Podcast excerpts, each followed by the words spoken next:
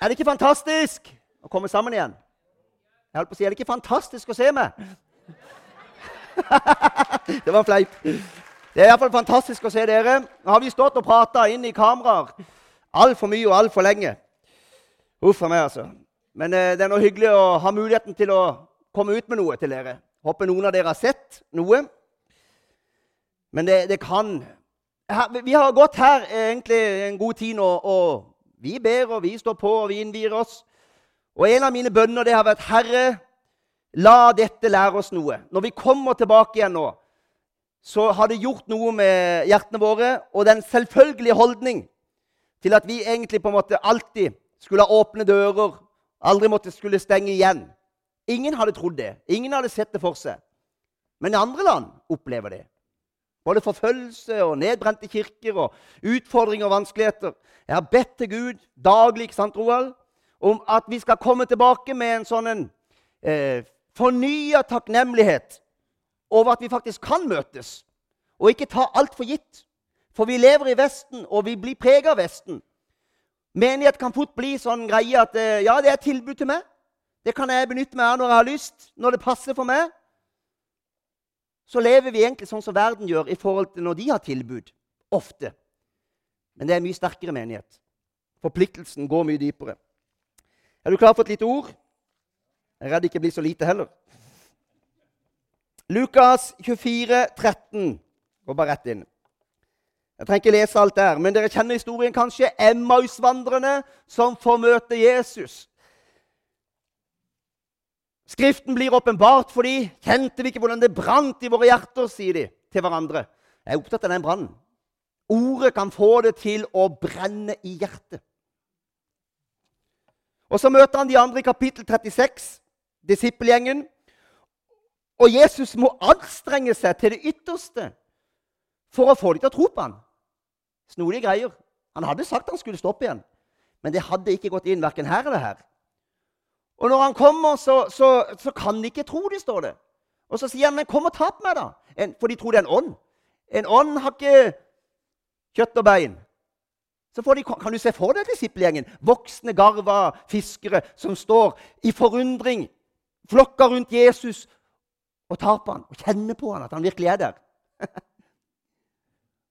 Og selv om de fikk ta på han, så står det at de fremdeles ikke kunne tro. Det står noe rart. De kunne ikke tro av undring og glede. Jeg ville jo tro det skulle stå de kunne ikke tro av vantro. På grunn av vantro, men det sto de kunne ikke tro grunn, bare av undring og glede. Har du hatt det sånn? Kanskje du har mottatt en helbredelse en gang? Og så er det nesten sånn at det er for godt til å være sant. Og så er du redd for å miste det igjen, så du, du tør ikke glede deg for mye med en gang. det er vel noen som ler. Eller hvis det skjer noe godt i livet, så er det sånn ja, Du tør ikke slippe løs gleden helt, for du vet ikke hvor lenge det varer. Du vil helst ikke bli for skuffa. Kanskje det var noe sånt. De kunne ikke tro det. Han sto der rett foran dem, og de kjente ham med sine fysiske hender. Men det var liksom, man er redd for å slippe det inn. For tenk om de allikevel tok feil. Så måtte han spise foran dem. Og da tror jeg det gikk noe en ånd som spiser, det har vi ikke hørt om. Eh, og når de så at maten på en måte forsvant, så tror jeg de trodde. Og så forkynner han frelsesverket ut fra Moses og salmene og mer, og profetene står det.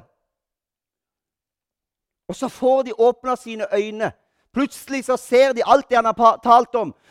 Det står at han, eh, hva står det? Og han åpnet, åpnet deres forstand, så de kunne forstå Skriftene. Så velsigner han dem. De får, eh, de får en skikkelig dose her, altså. Først så får de møte han fysisk. Så åpner han deres forstand, så de kan skjønne hvem han er. Så forteller han at han var kommet. Det måtte skje. Han måtte dø. Han måtte oppstå. Og så forteller han hvorfor. Det var for syndenes forlatelse og verdens frelse. Så de har altså fått veldig mye på en gang her nå. Åpenbaring har de fått. Hensikten har de fått. Oppdraget har de egentlig fått allerede her. De har fått velsignelsen. De ser han farer opp til himmelen. Og allikevel så står det at de skulle bli i Jerusalem og vente på kraften ifra det høye. Det står at de, de var stadig i synagogen og priste og lovet Gud. Dette var før pinsedag.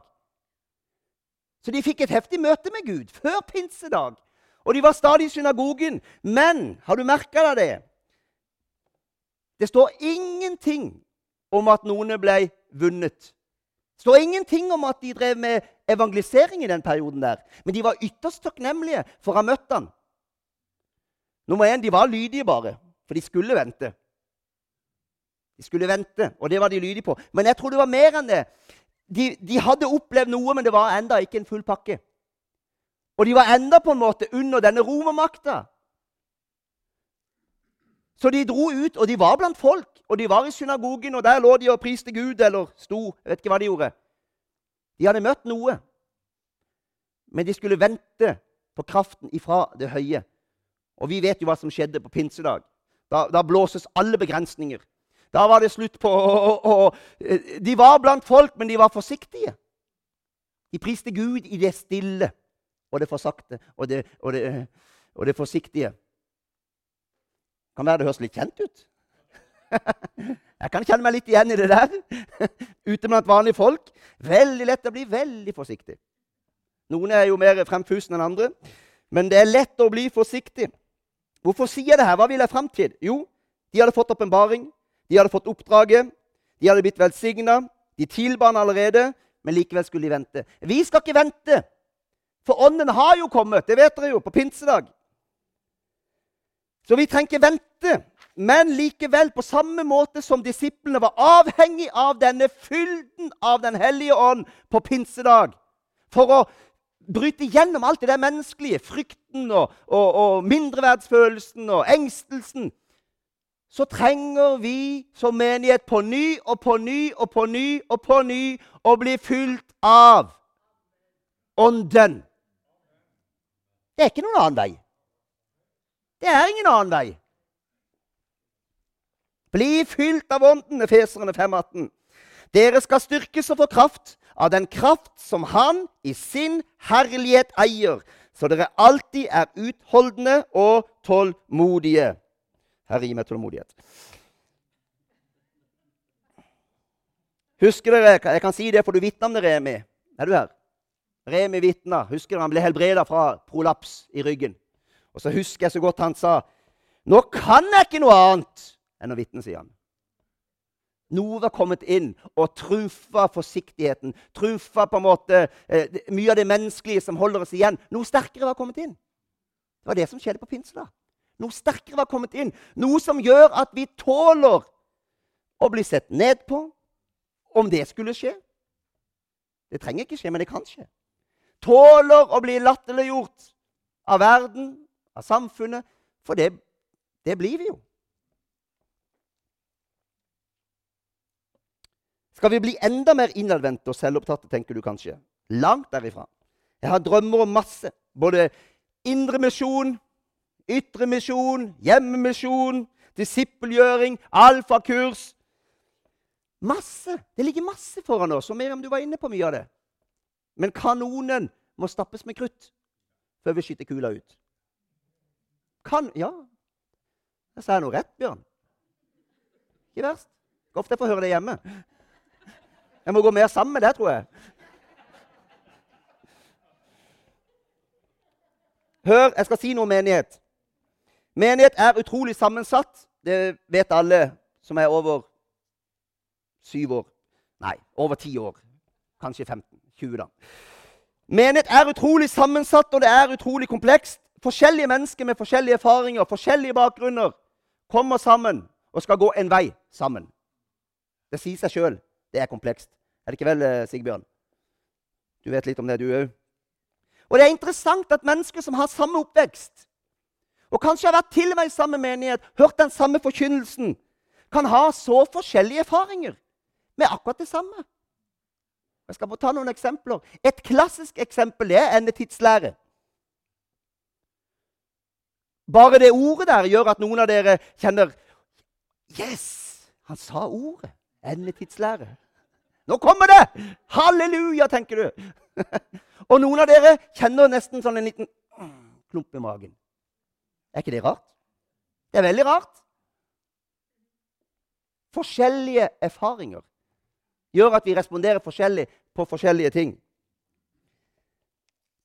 For noen er det med glede og forventning. Det holder deg liksom klar. Du sørger for å ha olje på lampa. Og noen, når de hører den historien om olja på lampa, så krymper de seg.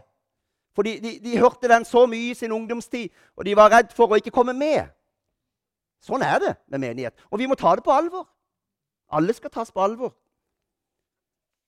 Noen har, blitt, noen har opplevd å bli så radikalt utfordra på en litt sånn kraftig måte, litt for mye, eh, at de, de kjente bare press og bare forventninger, noe de aldri kunne innfri. Så de har dårlige erfaringer med press. Så møter de en sånn som meg, vet du. Da går ikke det bra. Sånn er det. Mens noen de trengte det i sin ungdomstid. Det lille pushet der, det, det å tøye grensene litt og bli utfordra. Alt det her har vi sammen i en smørje. Hør. Våre historier former veldig fort vår teologi og vårt gudsbilde. Utrolig fort.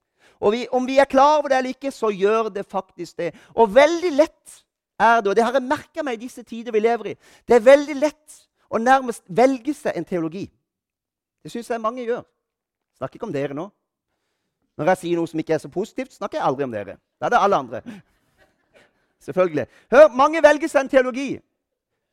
Og så sier de 'Sånn er Gud'. Hvis de hører noe annet eller opplever noe annet som ikke går helt i tråd, så er det nærmest sånn 'Ja, det er ikke min Gud. Det var ikke fra Gud.' Det skal vi passe oss litt for. Vi skal åpne oss litt mer opp. Vi skal være litt mer observante på at vårt liv har forma oss. For det er jo sånn at om du har god erfaring med endetidslære eller dårlig erfaring med endetidslære, så står det her. Vi vet han kommer igjen. Gjør vi ikke det? Vi vet vi skal være klare. Skal vi la være å si det for det om noen har dårlige erfaringer? Vi kan bruke visdom, ja. Ta det litt skritt for skritt. Men det må forkynnes. At vi må være klare. At han kommer. Hva er det Jesus sier? Han sier at vi skal tyde tidens tegn. Og jeg vil faktisk gjøre det han sier. Jeg vil faktisk gjøre alt han sier. Så hvis han ber meg være våken og tyde tidens tegn, da er det et kall over mitt liv. Over ditt liv. Om du er mye eller lite interessert i Israel, jeg bare tar det som eksempel, så forandrer ikke det noen ting om Guds ord og sannheten er her. Om du mener de handler rett eller gjør feil eller galt, det forandrer ingenting at de er Guds folk, at de spiller en avgjørende rolle i endetid, og at vi er kalt til å velsigne. Jeg bare viser hvordan oppvekst og påvirkning og trykk fra utsida skaper masse forskjellig teologi. Og ofte så må, Vi må stoppe opp, og vi må prøve å lese Guds ord. Og det er nesten umulig, tro meg. Og ta av oss litt av våre egne briller og si hva står det egentlig her? Og Nå vet jeg nesten ikke om jeg skal si det jeg skulle si. Men hva står det egentlig her? Jeg tror på en nådefull Gud. Det vet dere alle. En barmhjertig far. Men du var inne på det med meg. Jeg ante ikke hva du skulle si. Men det står veldig mye her om en hellig Gud òg. Det står veldig mye om en hellig Gud. Og jeg kunne trukket det lenger. Nitkjær Gud. Det står veldig mye som vi ikke bare kan hoppe bukk over. Skjønner du hvor jeg vil? Menighet la meg si alt det her da først. Det er en plass å bli grunnfesta, trygg i sin relasjon med Gud som en overstrømmende far. Det er liksom hele bunnen. Det er utrolig viktig. Får du ikke det på plass, så går du med stive skuldre eller høye skuldre. Det er vi ikke kalt til. Det er en plass hvor vi skal være trygge på hverandre, tørre å leve åpne og ærlige liv. Kjempeviktig. Det er en plass for alle livets faser og alle livets utfordringer. Og vi opplever jo stadig vekk at når folk får det tøft, enten i ekteskap eller i livet, så holder de seg borte. Det er leit. Det må vi ta tak i, Sigbjørn. Ta det på neste styremøte.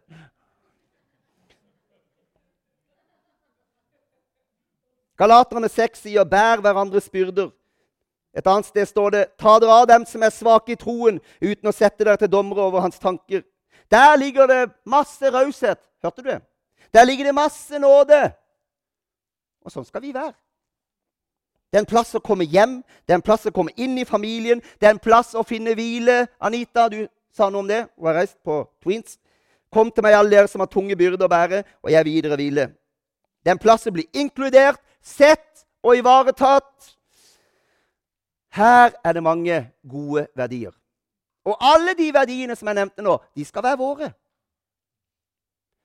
Men det kan være fristende å stoppe der. Men det skal vi ikke. Hvorfor ikke? Fordi ved siden av disse verdiene her så fins det verdier om en menighet med et tydelig budskap, om omvendelse, om å ta opp sitt kors, og om de forpliktelser mm, Jeg liker ikke det ordet. Forpliktelser og ansvar som det følger med å leve et Kristusliv. De må vi også ha med. Da var vi straks tilbake til forskjellige historier. For når noen hører de ordene plikt, ansvar så, så vi, har vi nesten lært at det fins ingen plikt. Det fins ikke noe ansvar, nærmest. Men det er ikke sant. Det er ikke Guds ord. Det fins mye her som er vårt ansvar som troende. Verdens frelse er vårt ansvar. Det er ikke Guds ansvar, det er vårt ansvar. Han har gitt oppdraget til oss. Og det kan jo kjennes, Jeg kan jo bli helt svett av og til. Tro meg. Jeg har jo et misjonshjerte. Og av og til så, så, blir jeg helt svett og sier, 'Men Gud' altså det, Når du reiser i, i, i, Asia, og du skal ha en kampanje, og alt det her, og du vet jeg skal være akkurat der Der kommer det noen tusen mennesker, og du gleder over alle de som blir frelst. Men det tar en stund å komme dit. Og før den kvelden kommer, så har jeg reist forbi Jeg vet ikke hvor mange hundre tusen mennesker du har sett. Det kryr jo av folk overalt, på hoteller og på gater. Og du flyr over, du har gjort det, store byer, muslimske byer. Og det, det, det krasjer helt i hodet mitt, og jeg sier til Gud Gud, jeg vet vi skal ha en kampanje, og jeg gleder meg over alle de tusener som blir frelst. Men det er et hav. Kjenne på ansvar. Er det feil? Det er en byrde, det. Det er en byrde å kjenne på det ansvaret. Men det er vårt ansvar. Men han vil gi kraft til å bære det. Ingen har sagt det skal være lett. Ingen har sagt at de bare skal føle seg salig. Det er et ansvar. Det er ikke spesielt Det er ikke Nei. Ja, nå ble du nysgjerrig. Det kan jeg ikke si. Nei.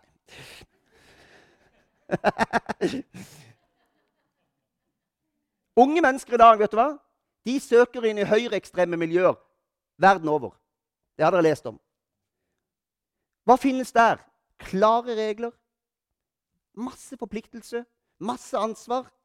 Usunt, selvfølgelig. Hvorfor det? For folk trenger tilhørighet. De trenger rammer i et ellers rammeløst samfunn. De trenger mål, og de trenger retning.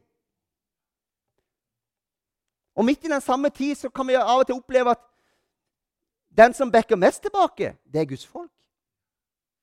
Når vi har det beste å gi. Trenger ikke ungdommene våre rammer?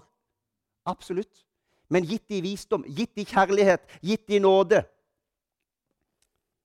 Han vet vi er svake. Salme 103, 14. Han vet hvordan vi er formet. Han minnes at vi er støv. Derfor står det rett over her. Som en far er barmhjertig mot sine barn, er Herren barmhjertig mot den som frykter han.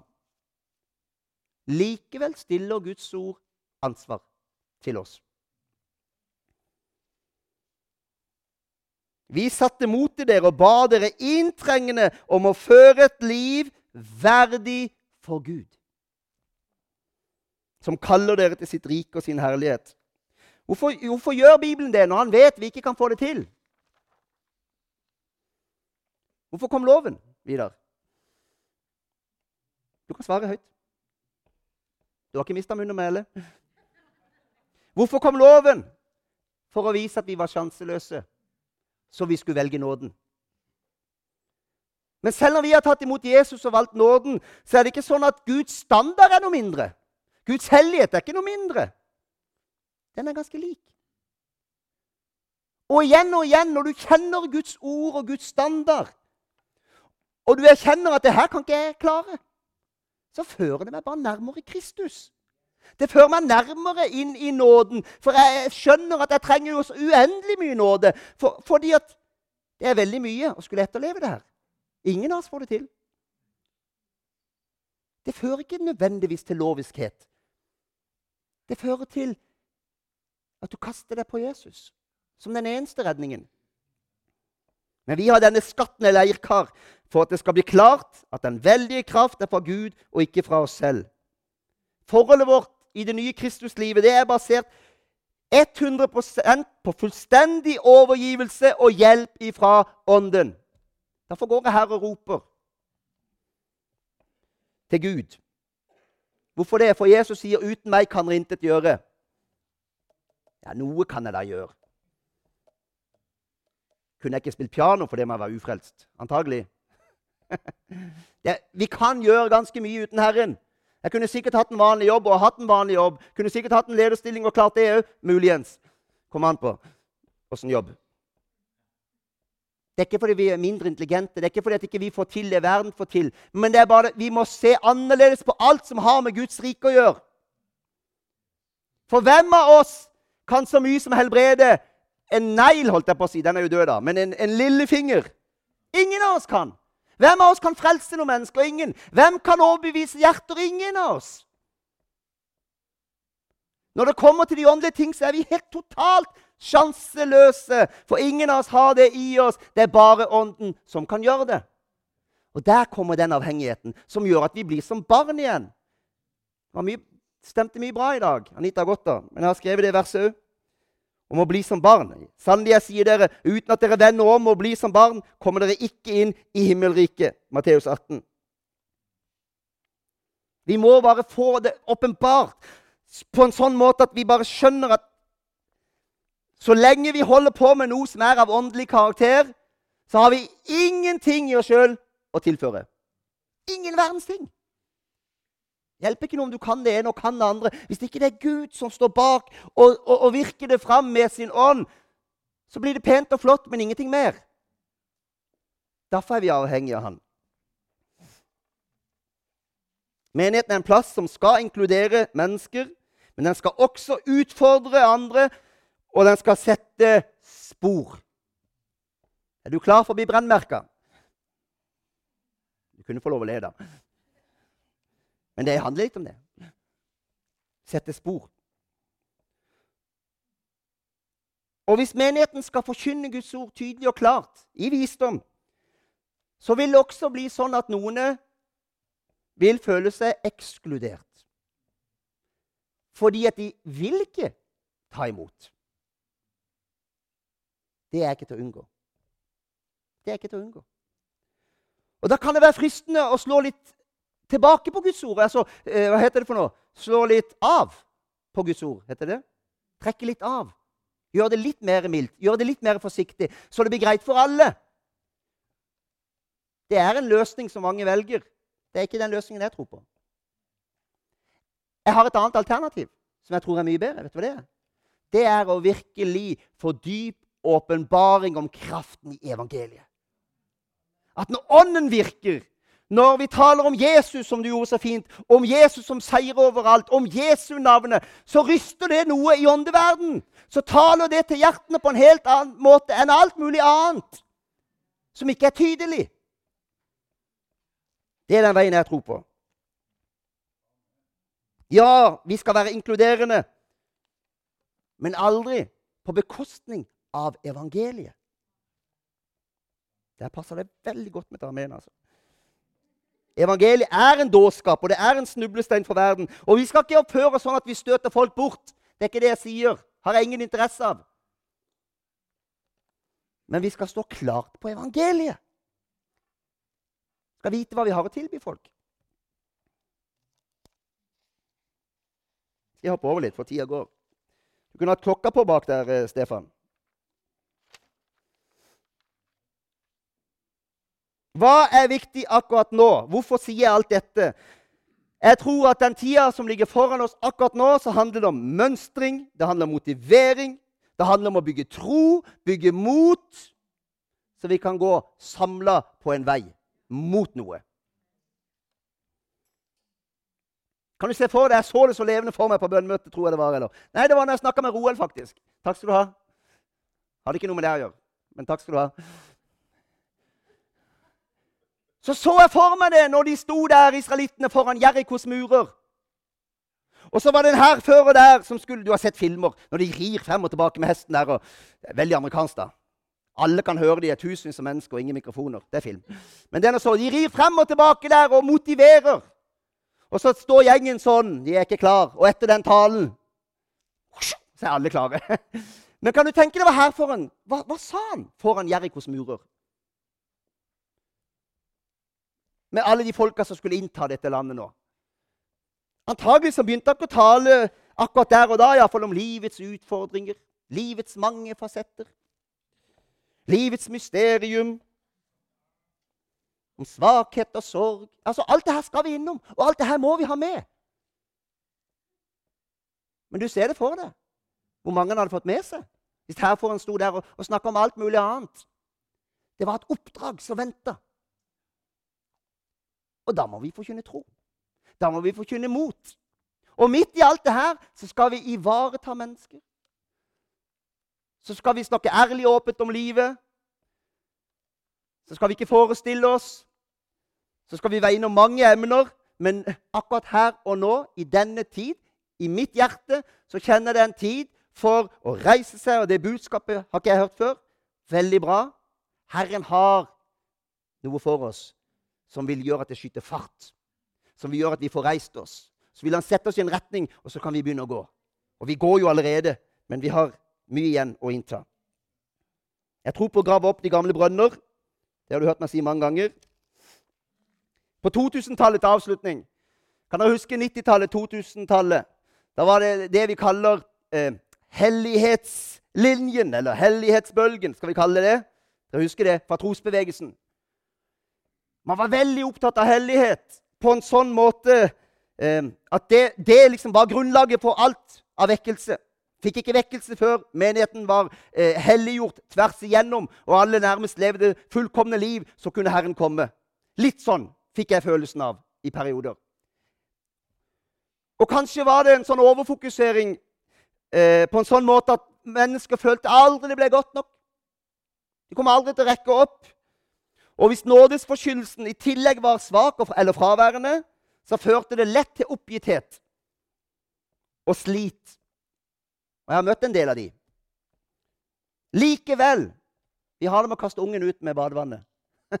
Likevel finnes det en forbindelse mellom dette ønsket Jeg sa ikke det, dette å klare det, men jeg sa dette ønsket, dette brennende ønsket om å leve rent og hellig for Gud og vekkelse. Fins det noen forbindelse? Jeg tror det gjør det. For det fører til stadig omvendelser og renselse når det trengs. Nye generasjoner må vite hva som står her. De må først og fremst få, få tak i nåden og frelsen og den gode far. Men de trenger også å vite rett og galt. For hør hvordan skal man vite hva man trenger nåde til? Hvis man ikke kjenner denne boka. Det var surrete sagt. det hørte jeg. Man må vite hva man trenger nåde til. Hvis man ikke kjenner noe forskjell på rett og galt, som nye generasjoner vokser opp i, kjenner ingen forskjell, for ingen har fortalt i det, så vet man heller ikke hva man trenger nåde til. Jeg tror det kommer en tid hvor vi må tørre det òg. Må tørre å si dette sier Guds ord. I kjærlighet. På en fin måte. Men det handler om tydelighet. Og vet du hva? Unge mennesker i dag de trenger tydelighet, de ønsker tydelighet, og de hiver seg på alle andre rundt i verden som forfører dem med tydelighet. Som kan ta dem med på noe, som kan gi dem noen rammer. Jeg tror vi skal være mer frimodige i visdom. Dette er en sånn programerklæring, men det får du tåle.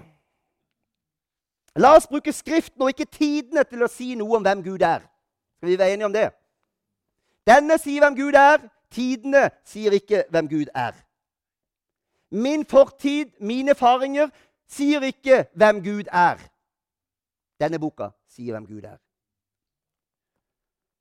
Så kan vi ha forskjellige erfaringer med så mange forskjellige ting. Og noen har gode erfaringer, noen har dårlige erfaringer. Men jeg kjenner det brenner her inne. Alt Guds råd må forkynnes. Alt Guds råd må forkynnes. Så skal vi gjøre det i kjærlighet og visdom. Men vi skal ikke holde igjen. Amen. Kom nå, sangere. Fikk du noe ut av det?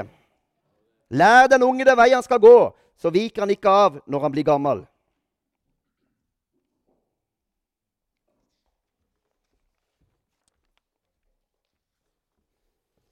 Første Korinterne 12. Profetisk tale til trøst, oppmuntring og formaning. Trøst, oppmuntring og formaning. Vi hadde et møte her med Martin Rehn en helg. Sterk helg. Nydelig forkynnelse som setter virkelig folk fri, fører de tilbake til, til far. Og Så var det en, en, eldre kar som ikke går her. Han ville ha et budskap. og han, Det var to uker før han ringte meg. Han sa jeg hadde kjent så veldig på det her. Det er da vi pastorer må jobbe litt med oss sjøl. Fremmede folk, sånn, sånn, sånn. sånn. Heldigvis kjente jeg han ganske godt. Så jeg fant en søndag hvor menigheten var samla, og det var tilfeldigvis akkurat under den. Festhelga vår. Konferansehelg. Og så kommer han frem, og så leser han versene om at du er verken varm eller kald. Jeg var lunkne.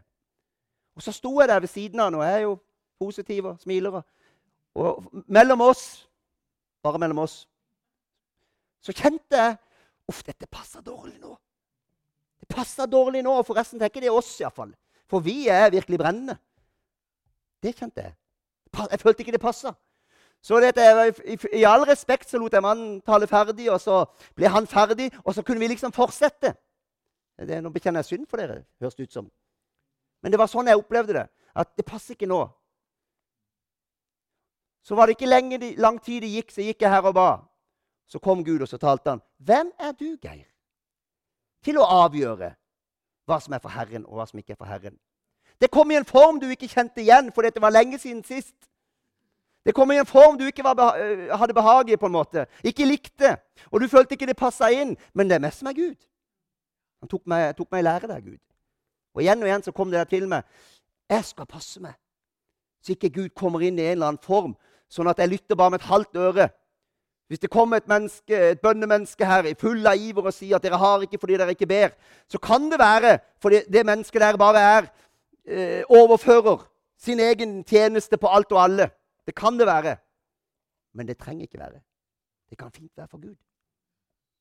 Vi skal prøve det. Vi må ha den, det hjertet der hvor vi sier, 'Gud, du får komme. Kom som du vil. Virk som du vil.